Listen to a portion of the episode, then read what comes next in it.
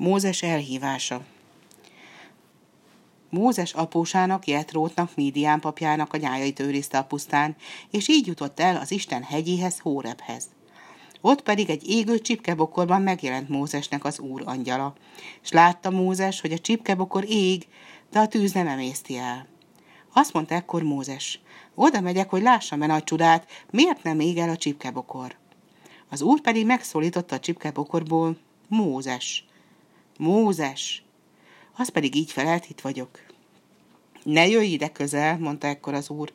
Odd le a sarodat lábadról, mert a hely, amelyen állsz, szent föld. Mert én vagyok atyádnak istene, Ábrahámnak istene, Izsáknak istene, Jákóbnak istene. Mózes pedig elrejtette arcát, mert félt Istenre tekinteni. Az úr így folytatta. Látván láttam népem nyomorúságát, meghallgattam a sanyargatóik miatt való kiáltásukat, ismerem szenvedésüket. Le is szállok, hogy megszabadítsam népemet az egyiptombeliek kezéből, és elvigyem onnan a tejjel mézzel folyó Kánaán földjére.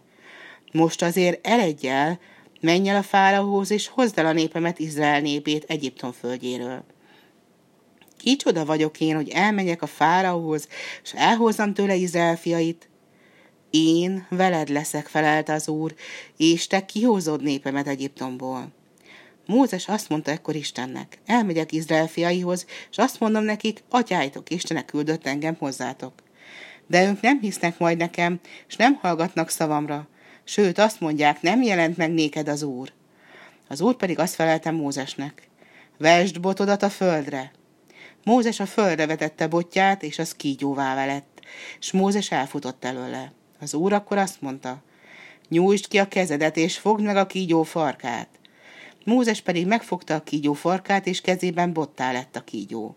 És ezt mondta ekkor az Úristen. Beszéld ezt el, és mutasd meg nekik, hogy tudják, én, az ő atyáik Istene küldtelek téged. Eredj azért, és melléd adom testvéredet Áront, s megtanítalak benneteket arra, amit beszélnetek kell.